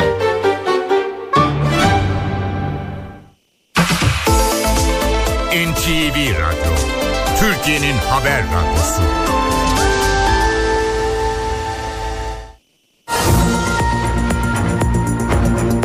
NTV Radyo'da haberleri aktarmayı sürdürüyoruz. Amerika ve İngiliz savaş uçaklarının Yemen'de birkaç kentte bazı noktalara yönelik hava saldırısı düzenlediği bildirildi. Amerikan Başkanı Joe Biden, Kızıldeniz'deki saldırılarına misilleme olarak Amerikan ve İngiliz ordularının Yemen'de Husilere ait bazı hedefleri vurduğunu açıkladı. İngiltere Başbakanı Rishi Sunak da Kraliyet Hava Kuvvetleri'nin operasyona katıldığını, ayrıca Kraliyet donanmasından gemilerin de bölgede devriye gezdiğini duyurdu. Saldırıların savaş uçakları ve Tomahawk füzeleriyle yapıldığı belirtildi. Peki bu noktaya nasıl gelindi? NTV Dış Haberler Müdürü Ahmet Yeşiltepe'den dinleyelim. Aslında İngiltere Savunma Bakanı'nın dünkü açıklamaları e, çok dikkat çekiciydi. Amerika Birleşik Devletleri donanması ile birlikte Yemen'deki Husi hedeflerinin vurulacağı yönünde çok e, belirgin bir ifade kullandı en büyük kolektif saldırıyı gerçekleştirdiler bize karşı. Bunu püskürttük. Şimdi bizi yakından takip edin. İngiltere e, Savunma Bakanlığı sözcüsü arkasından Savunma Bakanı çıktı. Benzer ifadeleri kullandı. Ee, İngiltere Savunma Bakanı Grant Shapps ve e, şimdiye kadar Kızıldeniz'de gerçekleşen iki gün önceki e, Husi saldırısını en büyük e, saldırı olarak nitelendirdi ve özgür dünyaya taşınan e, ve dünya ticaretinin çok önemli bir atar damarı olan Babül Mendeb ve Kızıldeniz geçişinde bir operasyon başlatabileceklerinin sinyalini verdi. Ve bunun için İngiltere ve Amerika Birleşik Devletleri bir hukuki zemin e, oluşturmak istiyorlardı. O zeminde New York'tan geldi. E, Birleşmiş Milletler e, Genel Merkezi'ndeki e, Güvenlik Konseyi toplantısından çıkan karar tasarısı çok ilginç. E, aslında bu konuyla ilgili uzun süredir Amerika Birleşik Devletleri e, girişimde bulunuyordu. Bir karar tasarısını kabul etti. Bu karar tasarısında Güvenlik Konseyi e, Kızıldeniz'deki gemileri hedef alan saldırıların acilen durması yönünde Husilere çağrı yapıyordu. E, Amerika Birleşik Devletleri ve Japonya tarafından sunuldu bu tasarı. Ve 15 üyeli Güvenlik Konseyi'nde 11 evet ve 4 çekimser oyla kabul edildi. Böylece aslında Husi hedeflerine yönelik gerçekleşen saldırının da hukuki zemini e, bir anlamda e, Birleşmiş Milletler Güvenlik Konseyi'nin bu kararıyla sağlanmış oldu. E, Husiler hemen arkasından bu kararın arkasından bunun bir siyasi oyun olarak nitelendirildiğini ifade ettiler.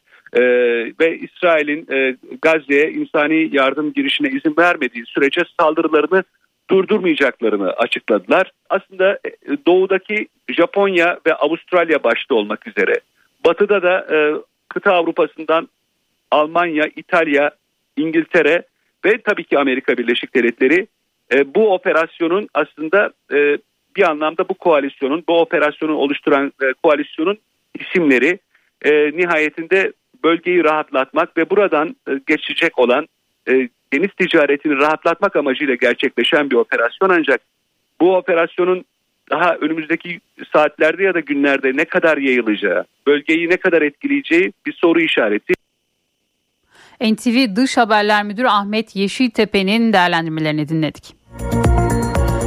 İsrail saldırısı altındaki Gazze'deki hasta ve yaralıların Türkiye'ye tahliyesi sürüyor. 7. tahliye kapsamında 85 hasta ve yaralı Türk Silahlı Kuvvetleri'ne ait askeri uçaklarla Türkiye'ye getirildi. Hava Kuvvetleri Komutanlığı'na bağlı iki uçak Mısır'daki hasta ve yaralıları almak üzere sabah saatlerinde Mısır'a hareket etti. Dün El Arish Havalimanı'nda 85 hasta ve yaralıyla 106 kişilik refakatçi grubunu alan askeri uçaklar akşam Etimeskut askeri havalimanına döndü. Yaralılar ambulanslarla tedavi görecekleri hastanelere sevk edildi.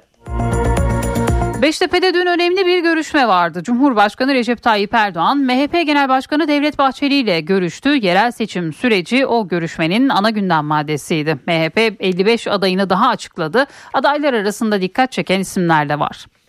Uzun süredir beklenen görüşme gerçekleşti. Cumhurbaşkanı Recep Tayyip Erdoğan, Milliyetçi Hareket Partisi Genel Başkanı Devlet Bahçeli ile Beştepe'de bir araya geldi. Cumhur İttifakı'nın iki ortağının görüşmesi yaklaşık bir saat sürdü. Erdoğan ve Bahçeli 31 Mart'ta yapılacak yerel seçim çalışmalarını görüştü. Aday belirleme süreci gözden geçirildi. Görüşme bittikten yaklaşık bir saat sonra Milliyetçi Hareket Partisi 8'i il 47'si ilçe olmak üzere 55 belediye başkan adayını daha açıkladı. Türkiye'nin süper vali olarak tanıdığı Recep Yazıcıoğlu'nun oğlu Mehmet Kemal Yazıcıoğlu MHP'nin Tokat Belediye Başkan adayı oldu. Afyonkarahisar'da Sezer Küçükkurt, Aksaray'da İrfan Çıtak, Bolu'da İlhan Durak, Gümüşhane'de Vedat Soner Başar, Kırıkkale'de Harun Ulusoy, Kırklareli'de Derya Bulur aday gösterildi. MHP İzmir'in iki ilçesinde de adayını belirledi. Ali Ağa'da adayı Serkan Acar, Foça adayı Taner Acar oldu. AK Parti ve MHP 30 büyük şehirde işbirliği yapacak. 26 il adayını açıklayan AK Parti ise Ankara başta olmak üzere 17'si büyük şehir toplam 48 ilin adayı 15 Ocak'ta ilan edilecek. Aynı gün açıklanacağı bildirilen AK Parti'nin seçim beyannamesi ise Ocak ayı sonunda başka bir toplantıyla kamuoyuna duyurulacak. AK Parti'nin yerel seçimde işbirliği için görüşme yürüttüğü Büyük Birlik Partisi ise Sivas'ın kendilerine bırakılmasını istiyor. Büyük Birlik Partisi e, tabanının e, camianın motive edilmesi lazım. E, bunu motive edecek e, birinci şey de Sivas e, Belediye Başkanlığı'nın Büyük Birlik Partisi'ne e, bırakılması olur. AK Parti İstanbul Büyükşehir Belediye Başkan adayı Murat Kurum, avcılarda kentsel dönüşüm seferberliği başlatacağını söyledi. Geçmiş dönem teşkilat yönetimi ve sivil toplum kuruluşu temsilcileriyle bir araya gelen kurum, Halkalı'dan avcılara metroyu bir durak daha uzatacağız dedi. Avcılar kentsel dönüşümde belediyelerin ihmalkarlığından çok kaybetti. Ulaşımda, tesisleşme alanında bu şehri hep göz ardı ettiler. Bizim sözümüz onların sözüne benzemez. Biz sözümüzü yerde bırakmamak için var gücümüzle çalışırız. İnşallah bir Nisan sabahı ilk iş olarak avcılarda dönüşüm seferberliğini başlatacağız. Avcıların metrosu var mı? Yok. Metrobüsten ve otobüsten başka ulaşım imkanı var mı? Yok. Biz göreve gelir gelmez Halkalı'dan avcılara metroyu bir durak daha uzatacağız. Tahtakale Isparta Kule mevkii biliyorsunuz. İnşallah oraya da yeni bir metro hattı açacağız. Ama öyle biz başlayıp 5 yılda işte 6 metre ilerlemeyiz. Biz başladık mı bitiririz. 39 ilçeli İstanbul'da CHP'nin 11 belediye başkan adayı daha belli oldu. Şehir Hatları Genel Müdürü Sinem Dedetaş lisedeki tek kadın aday olarak öne çıktı. Önceki açıklananlarla birlikte İstanbul Büyükşehir Belediyesi kökenli toplamda 4 aday var. Yerel seçime iki ay kala CHP'nin İstanbul ilçe adayları netleşmeye başladı. Hali hazırda AK Parti'nin yönettiği 11 ilçe belediyesi için isim açıklandı. Aslında şehir hatlarının en son yapılan Üsküdar'dan aday gösterilen Sinem Dedetaş, lisedeki tek kadın. Şehir hatlarında genel müdürlük yapıyordu.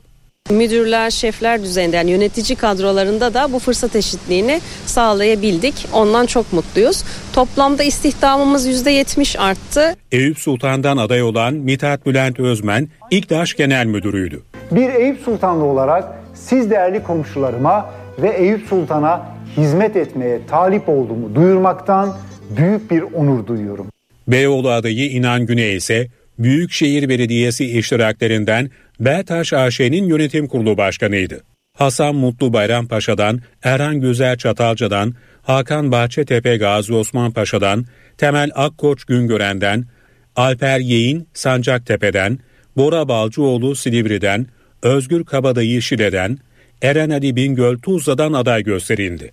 Adayların önemli bölümü parti içinde farklı görevlerde bulundu, ilçe başkanlığı görevini yürüttü. Fatih'in çok mahalle, köşe bucak, tarihi yapılarına... İstanbul Büyükşehir Belediyesi Genel Sekreter Yardımcısı Mail Polat Fatih'ten, Büyükşehir Belediyesi CHP Grup Başkan Vekili Tarık Balyalı da Pendik'ten daha önceden aday olmuştu. Yani belli olan 13 adaydan 4'ü İstanbul Büyükşehir Belediyesi kökenli.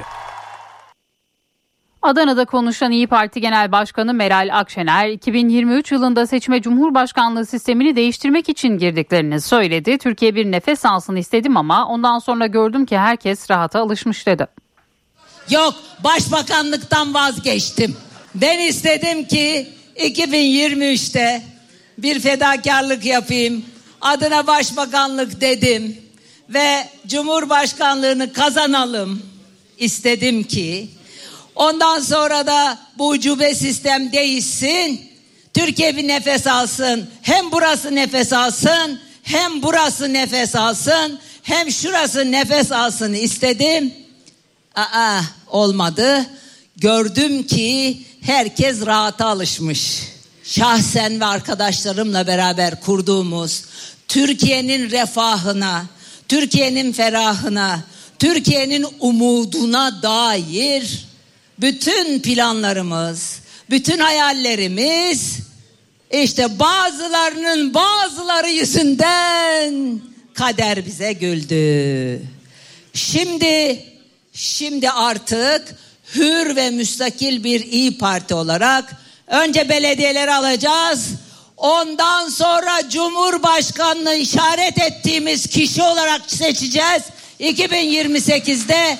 Ondan sonra da parlamenter sisteme geçiş yapacağız.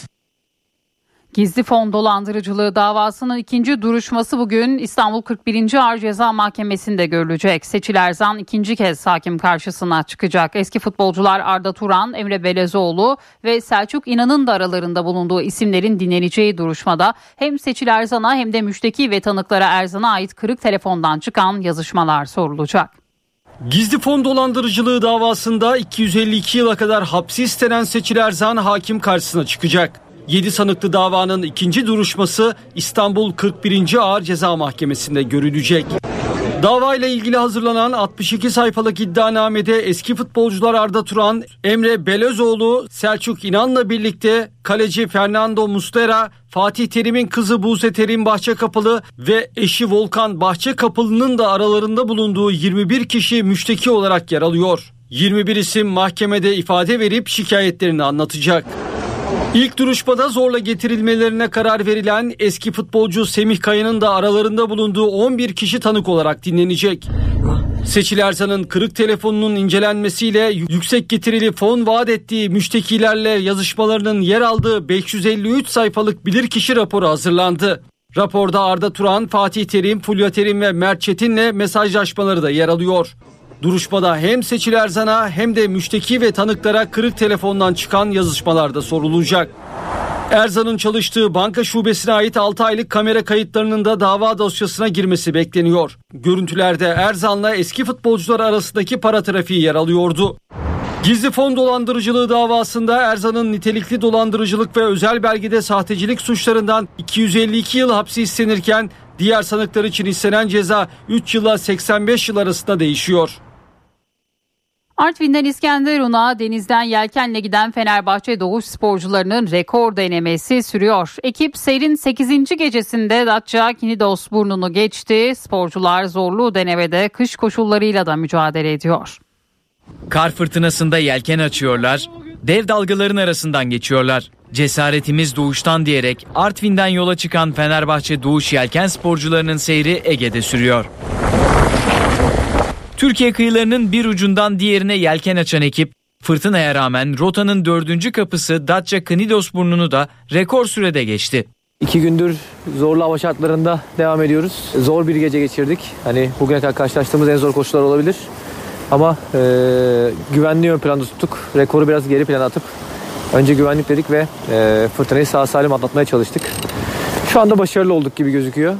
Fenerbahçe Doğuş Yelken sporcuları hiç motor kullanmadan saatte 12-13 deniz miline ulaşıyor. Hedef iki gün içinde Türkiye kıyılarının güneydoğu ucu İskenderun'a varmak. Rüzgar da bizle birlikte geliyor. Şiddetini biraz azalttı ama e, hızımızı kesecek kadar değil. Ama hedefimiz olan 10 güne çok sınırda gidiyoruz. Her şey yolunda giderse hem hedefimizi tutturacağız hem de rekor kırmış olacağız. Herkese sevgiler. Fenerbahçe Doğuş Yelkencileri Türkiye kıyılarını bir uçtan diğerine rekor sürede giden ilk takım olarak olimpik sporcu yetişmesi için farkındalık yaratmayı amaçlıyor.